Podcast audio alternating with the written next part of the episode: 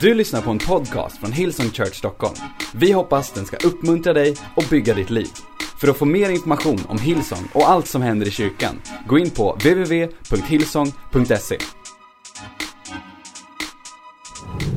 is so good to be here with you guys. I, I do think it's interesting that Pastor Andres was really upset, not about the skulls, but about the Norwegian flag. He was like, he was okay with the skulls, all right?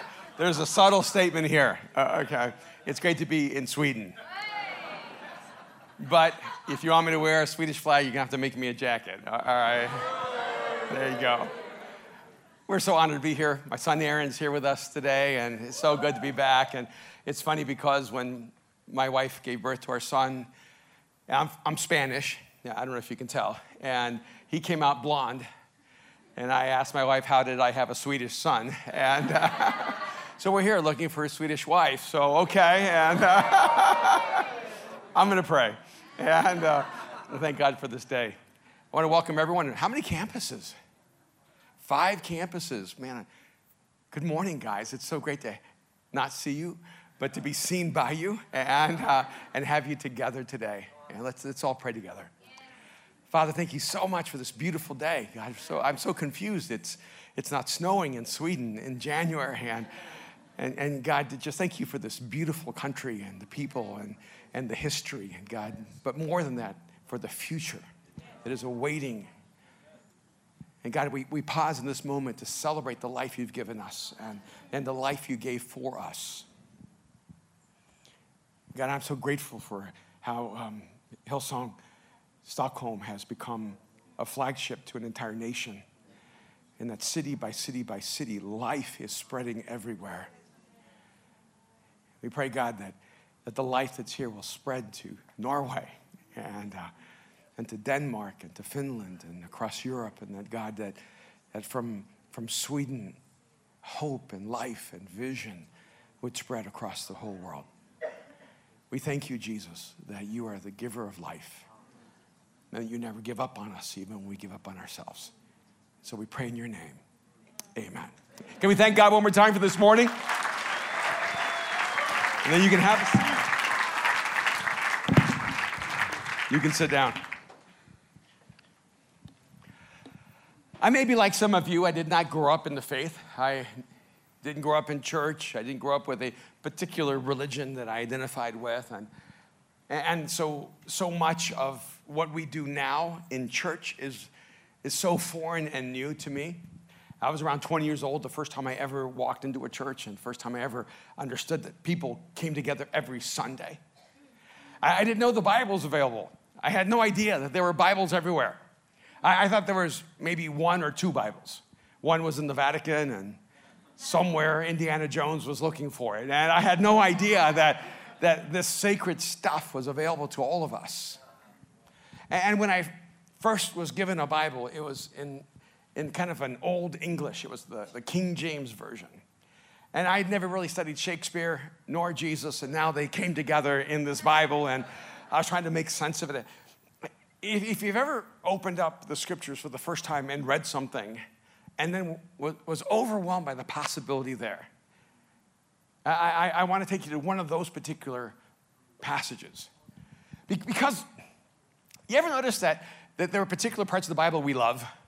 Like those the verses we all memorize, or the verses that maybe we put on a refrigerator, we see on a calendar, we have on a t-shirt, we have a theme for a conference or for a camp. But most of the Bible would just never make a great like summer camp theme right? We take certain particular ones, but, but sometimes the statements are so big and so bold that we, in the end, pretend that they work, but they don't really work for us.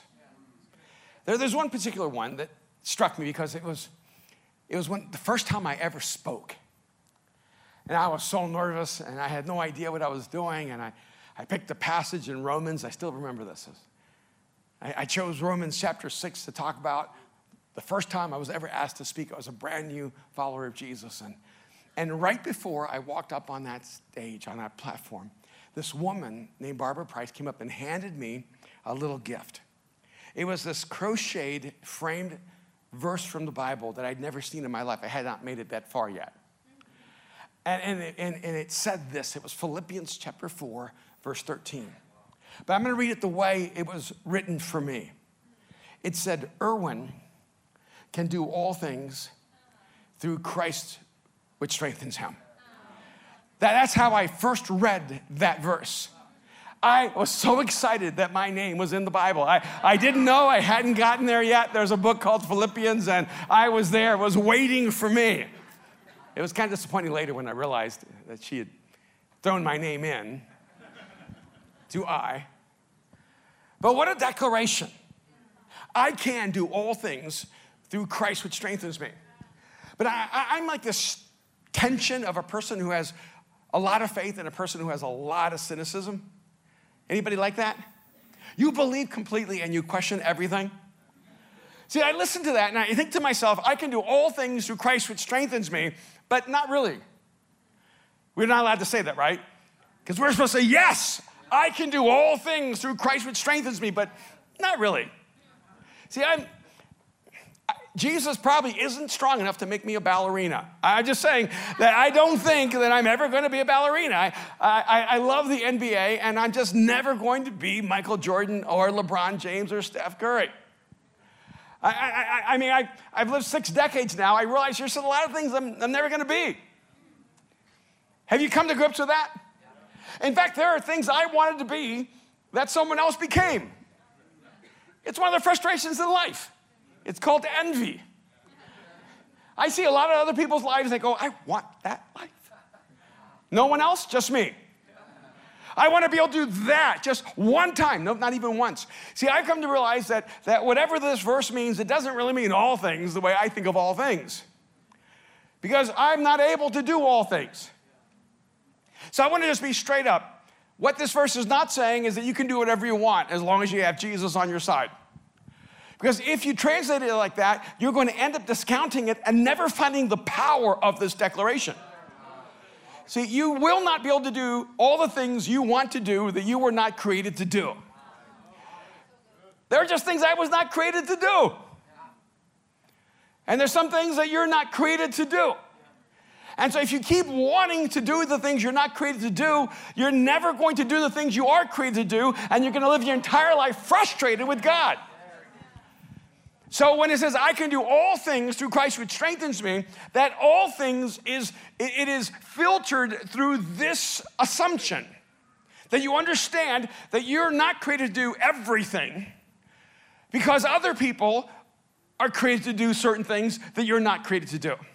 But if you can step into what you're created to do.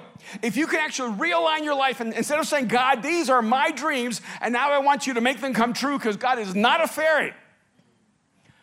He's not here with his magic wand going poof. You're taller. You can finally jump. You can, you're, you're finally gifted in this thing. No, what God wants you to embrace is that there's an all things that is uniquely designed for you, and you're uniquely designed for it. But even within that spectrum, it doesn't even seem that that becomes reality. Because sometimes you know exactly what you're supposed to do and you know exactly how you're designed and created, and you're, and you're still falling short. I know I'm created to write. I know it's a, a, gift that God has given me. It's a talent that I've nurtured, the skill I've developed. I, have had the opportunity to be a writer for, for 30 years of my life. I dreamed of being a writer when I was probably nine, 10 years old. So it's been a part of my essence and my internal story, my longing, my dreams. And this past week, I just missed the deadline. It was really simple. I could have given a lot of reasons. The only reason I missed the deadline is that I was not writing. And I could have just repeated this verse over and over again. I can do all things through Christ who strengthens me, except for one thing. If I don't do anything, I don't do all things. So the all things somehow have to come out of the something I'm doing. So if you're not doing anything, you're not going to do all things. So why is it that if we have this promise, I can do all things, so let, us limit it to the all things that you're created to do. That's still a lot, by the way. Now it says, I can do all things. And, and then, by the way, it starts with I. I. I know that on Sundays it's not supposed to be about I. right? It's not supposed to be about me. In fact, a lot of Christian books begin with that kind of concept. It's not about you. But here it is. In fact, a lot of the Bible is all about us. It's not just about God. I know we say, no, the Bible is just the story of God. Actually, God could write a story without us. In fact, he probably is, by the way. We're so narcissistic, we think that we're the only thing God's doing. I, I think God can be doing a lot of things.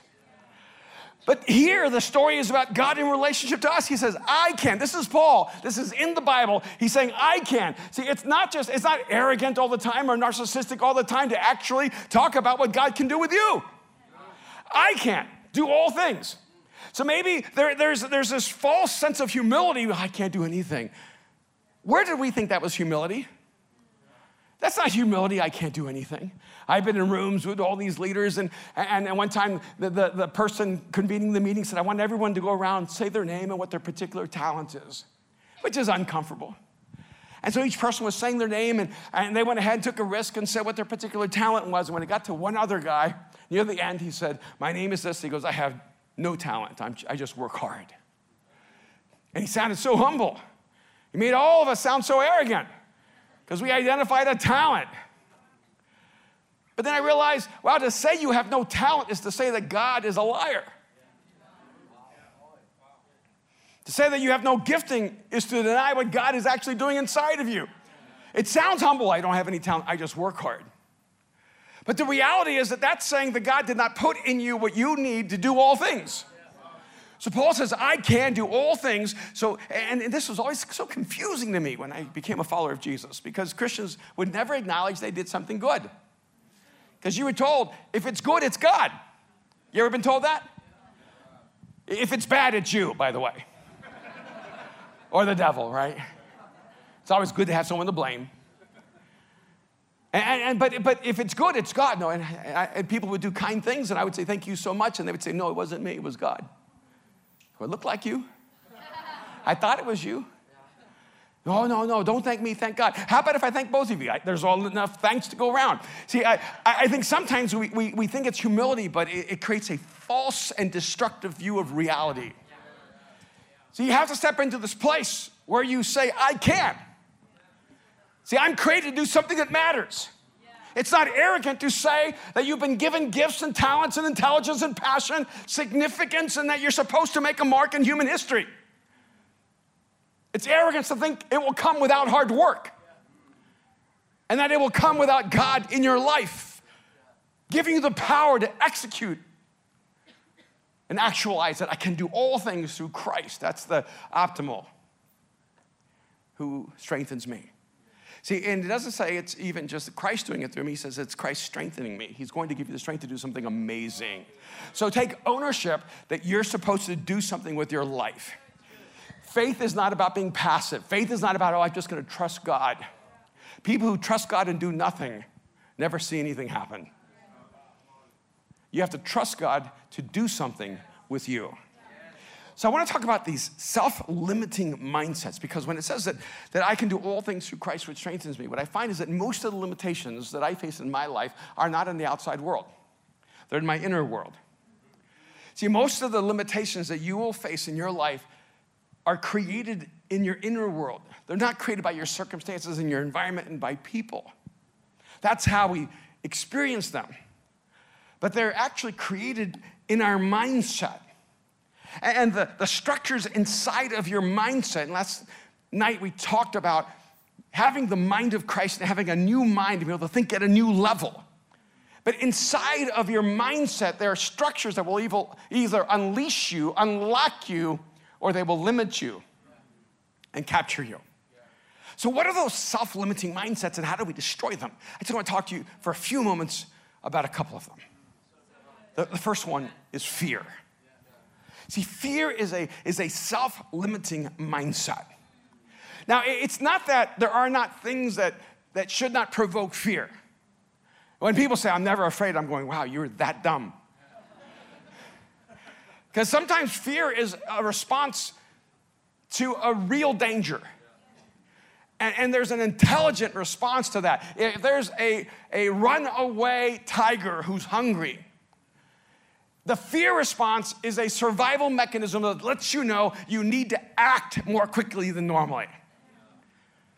See, and sometimes we, we treat fear in, in, in, that category as if it's something to debilitating. No, it's your response to fear that determines whether fear becomes a limitation or actually a motivation.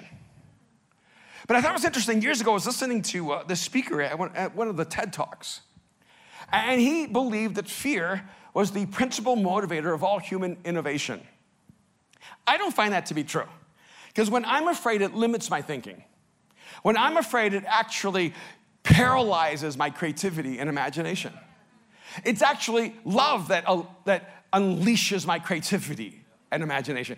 In fact, years ago, when Aaron was much younger, we got stuck in New York. We both lost our wallets. We both had no credit cards. We both didn't have any money, and we're stuck in Manhattan at midnight and had to walk miles and miles and miles to our hotel. And and he was frustrated because I left my wallet behind and he said, I got you, Dad. Then he left his wallet in the taxi and, and now we're both stuck. And I said, okay, buddy, we're in the middle of Manhattan in the middle of the night. We don't have any credit cards, any money, any identification. How are we going to solve this problem? How are we going to get to where we need to go? And he was just so angry. You ever just been so mad you couldn't think? And he just was bright red and he just, so I'm so mad. So why are you so angry? Because I had this. This is my moment to show you I could take care of things. And then I left my wallet in the car. I blew it. He's just so mad. I said, Hey, buddy, I, I need you right now to think. Need you to solve problems, to be creative. If I'm not with you, how are you going to solve this problem somewhere in the world? How are you going to get past this moment? Because I don't know. It's just, it's just like having rage. I said, Okay. I said, buddy, what's happening right now is that because you're angry, your brain is responding with only your reptilian brain. You're thinking like a reptile. You're angry and you're just trying to defend yourself. And, and it, it limits the part of your brain that's creative and imaginative and solves problems. And then he goes, Reptilian brain? He goes, Yeah, yeah, that's that. And he goes, Is this a real thing, Dad? Because, you know, I don't know if it's a real thing. And I'm going to talk about this. And if it's not a real thing, I'm going to look really stupid. I said, No, and this is the way some people divide the human brain. See, sometimes what happens is that fear causes us to become less than human. It activates, in that sense, our reptilian brain. All we think about now is survival. And so when you're afraid of something, by the way, what you fear establishes the boundaries of your freedom. So if you're afraid of heights, you stay low. If you're afraid of crowds, you stay alone. If you're afraid of the dark, you stay in the light. Your fear establishes the boundaries of your freedom. So if you are a person bound by fear, you're actually paralyzed and you've lost your freedom.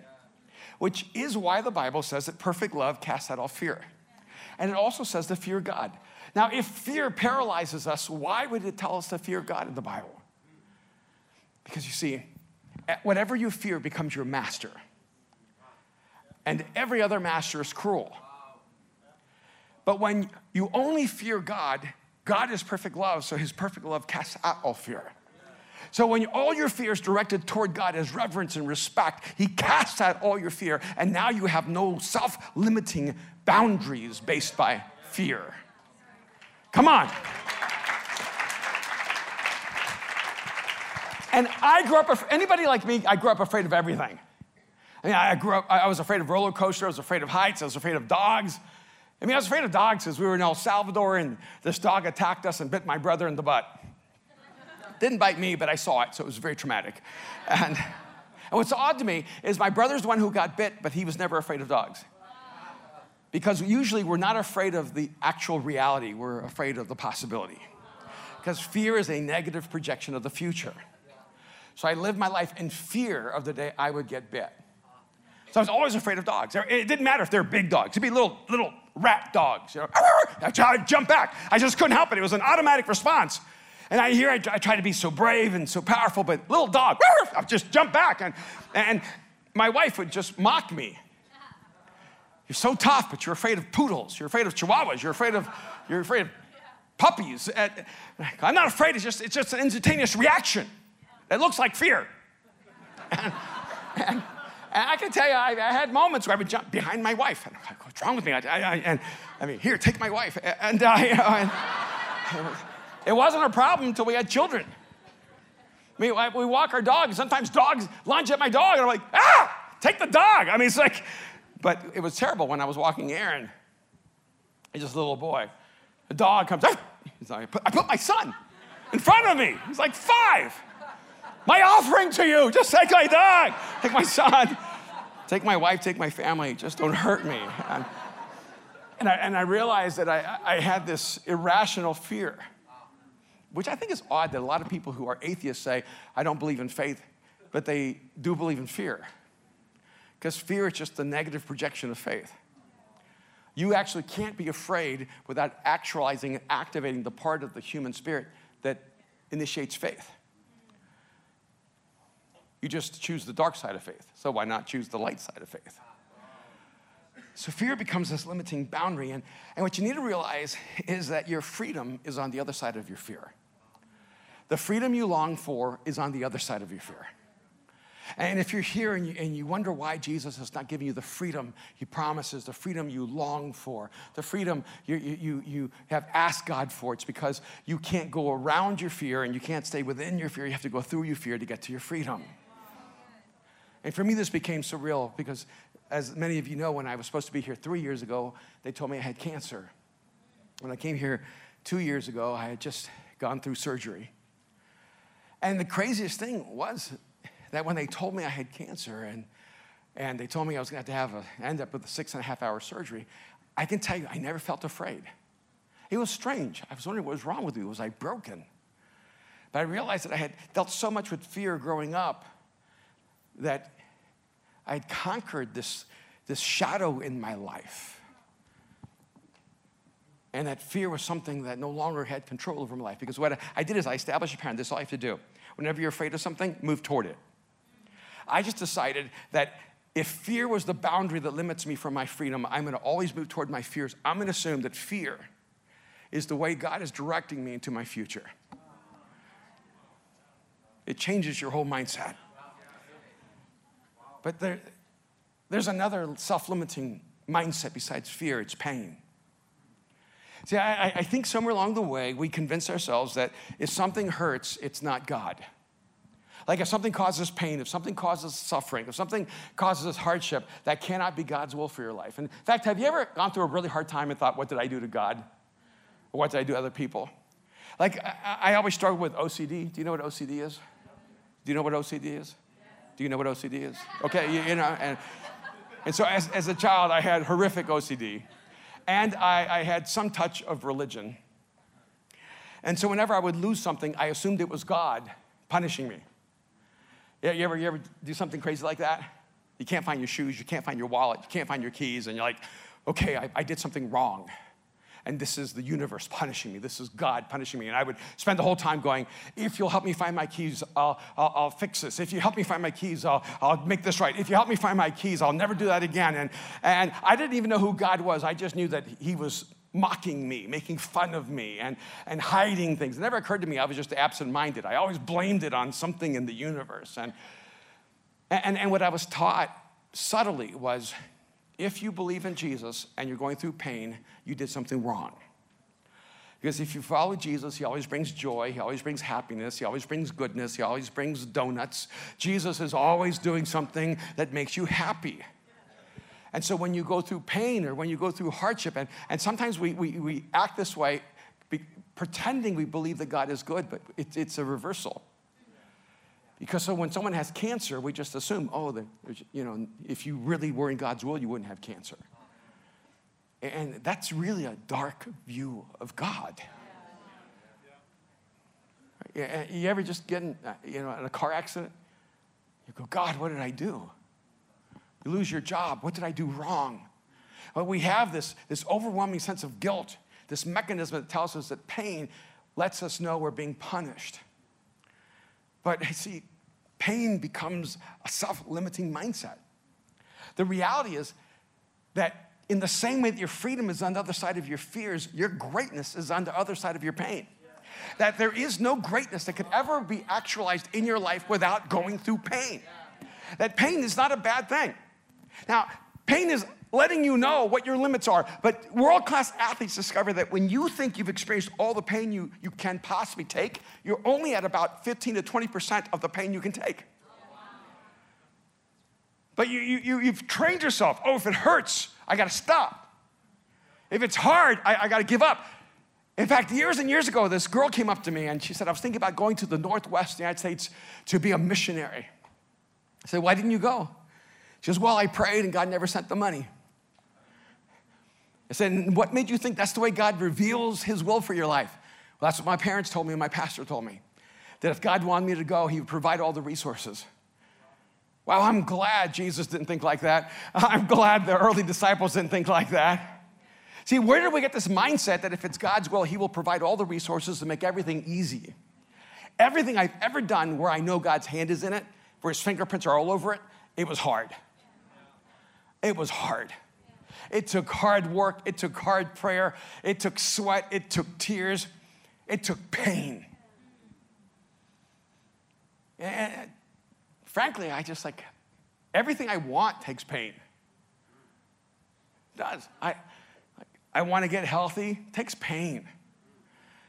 Man, the older you get, the less you want to experience pain. I wake up and I think, do I want to experience the pain of the gym? Or do I want to experience the joy of pizza? Right? Have you, have you noticed that that the things that cost you nothing actually give you nothing in the long term. And so you're going to create the self limiting mindset. And, and as I share with some of you, when I, when, I, um, when I had cancer, it was really tough. And, um, and the surgery was supposed to last two hours. It lasted six and a half hours. And they put me in my hospital room at 9 p.m. And at midnight, I woke up three hours later and I woke up my wife who was sleeping in the chair next to me. And, and I woke up my wife and I said, I'm getting up and I'm walking. And my wife said, No, you're not. You just had six hours of surgery. And I had six holes in my stomach. And, and I said, No, I'm getting up and I'm walking. I just wanted to know if you'd help me. And she goes, You're not getting up and you're not walking. I said, I am getting up and I am walking. And so she called the nurse because my wife is a snitch. And, uh, and, and she called the nurse in and she started to tell him he can't walk. He's saying he's going to walk. He's delusional. And and the nurse said, Sir, you should not walk. And I, and I, said, Is there any damage I could really do by getting up and walking? And she said, No, but it will be overwhelming. It'll be unbearable and, uh, with the pain. And I said, No, I want to get up. I'm going to walk. She goes, Well, then let me give you some um, pain meds first. I said, No, this is the whole point. I, I know that if I can stand in this pain, I can face whatever pain is ahead of me. See, I think a lot of us are afraid to stand in our pain. And we live in a culture that teaches us that we can self medicate ourselves so we don't feel the pain. But I'm telling you, if you're not willing to feel the pain, you cannot get to the healing and you cannot get to your greatness.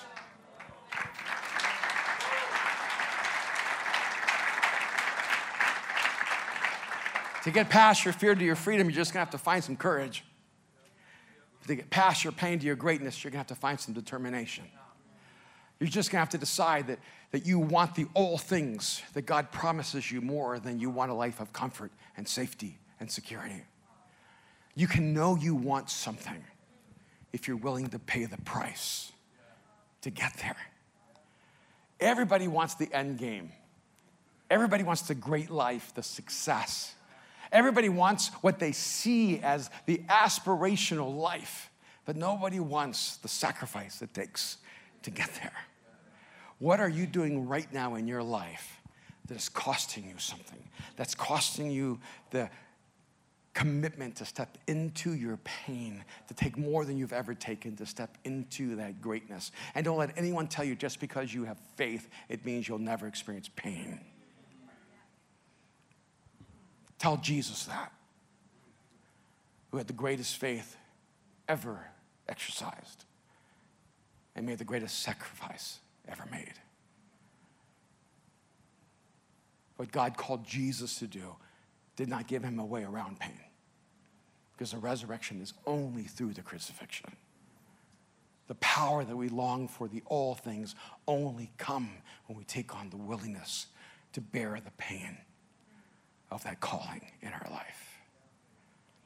So your freedom is on the other side of your fear, and your greatness is on the other side of your pain. But, but the last self limiting mindset that can keep you from the all things that God has for you is failure.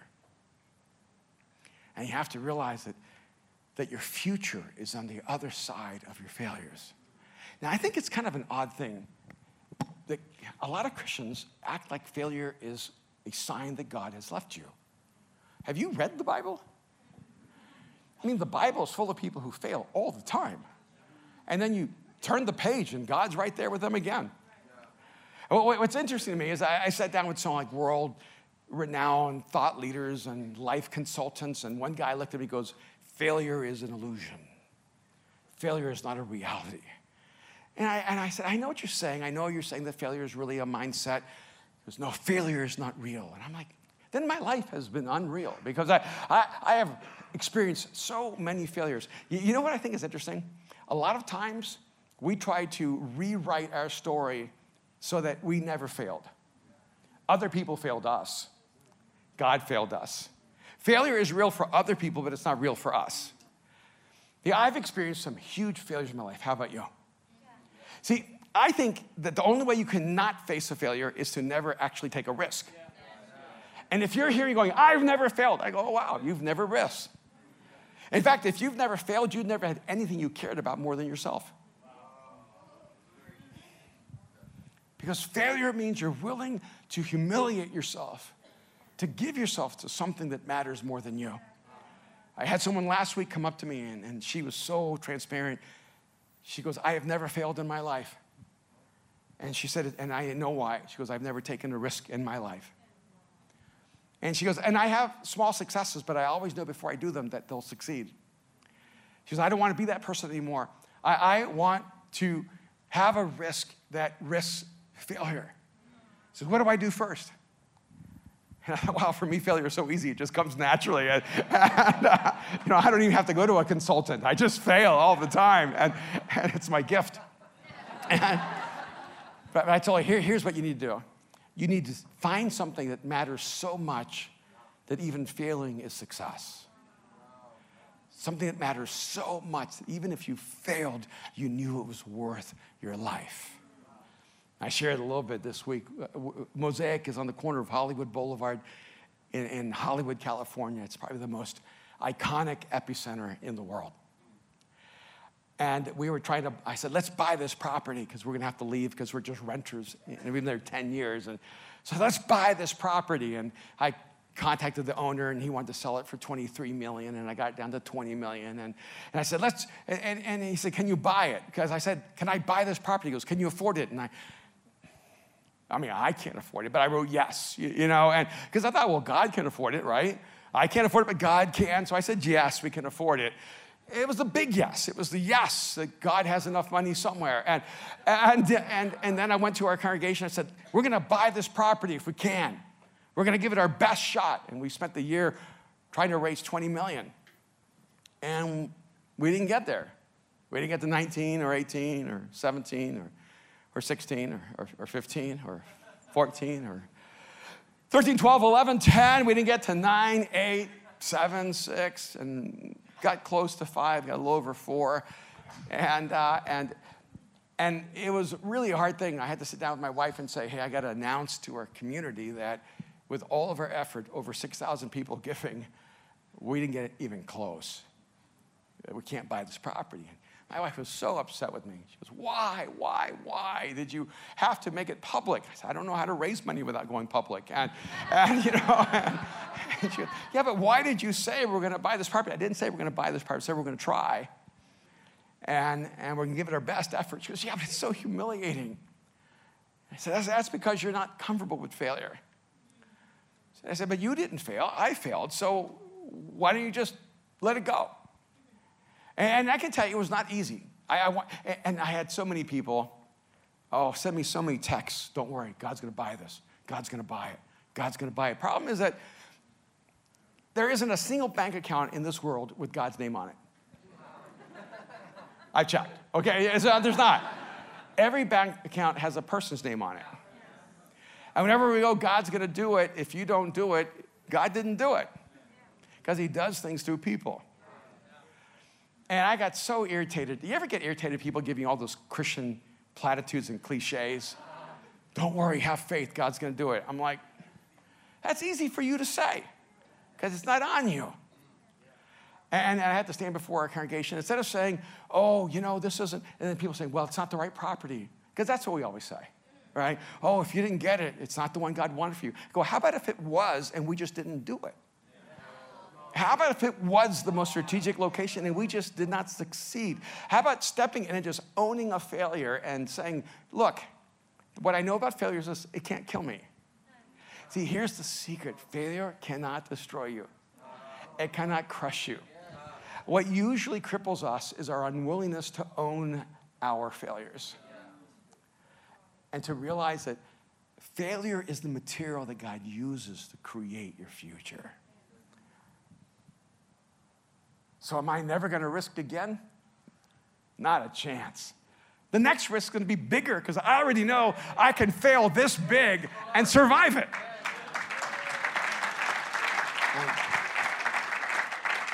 And there's some of you, you're terrified of failure because you do not want to disappoint your parents. You're terrified of failure because you don't want to disappoint your family. You're terrified of failure because you don't want people to think differently of you. Because you were raised being told that you were going to do something, expected that you would succeed. And so it's better to be safe and never take a big risk so you never violate that belief in who you are. I think that when Jesus was crucified, they saw it as a failure. See, I don't think people are going, wow, he pulled it off. See, I, I, I think that everyone who loved Jesus and everyone who hated it agreed on that one thing. His dream was lost his intention failed. So, the beautiful thing about God is that God uses the material of our failures, of our pain, of our fears. And if we lean into them, if we step into them, we don't allow them to limit us, He uses it as the material to reveal Himself in your life. And I can tell you now, after 40 years, that I'm absolutely convinced that I can do all things through Christ, which strengthens me. Because I'm done letting those self limiting mindsets tell me what I cannot do, who I am not or will never be. I'm done letting other people tell me I'm less. What voices are you listening to right now? Who have you allowed to create and shape your identity?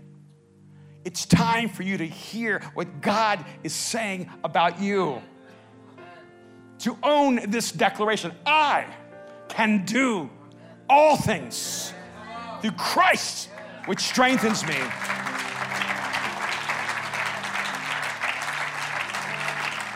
Not fear, not pain, nor failure can stop you. You got this. Would you just bow your heads with me just for a moment? Just close your eyes. I just want you to stop imagine for one moment what your life could be like if this declaration became true to your life. Erwin can do all things through Christ, which strengthens him. Aaron can do all things through Christ, which strengthens him. Andres can do all things through Christ, which strengthens him. What is Jesus saying to you about you? You may be here in one of the campuses or here in this room this moment, and you've never stepped across the line of faith. You've never trusted Jesus with your life. Do you realize that there's a God who loves you, who knows you, who sees you and wants you for himself? And he knows the all things that he has placed inside of you to live out, but he's waiting for you to give your life to him. It says, I can do all things through Christ. See, this begins with Jesus. The all things begin with Jesus being everything in your life. And If you're here right now and you're ready to put your trust in Jesus, if you're ready to cross the line of faith, if you're ready to give your life to Him and receive His life in you, I want you to pray with me right now. I want you to pray this simple prayer. It's just one sentence, but I want you to pray this prayer and give your life to Jesus right now. Would you pray with me? Jesus, I give you my life. That's it. Jesus, I give you my life. Jesus, I give you my life. Just tell them right now. It's not everything you and God need to talk about, but it's where the conversation begins. If you're here and you just gave your life to Jesus, if you're here and you just prayed this prayer, Jesus, I give you my life. I want you in every campus right now. If you just prayed, Jesus, I give you my life, I want you right now just to hold your hand up high so your campus pastors can see you in this moment. Just hold your hand up high and say, Yes, this is my moment.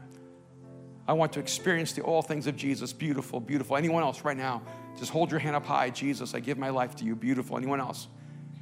Jesus, I give you my life. Anyone else right now? Wonderful. Anyone else? Jesus, I give you my life.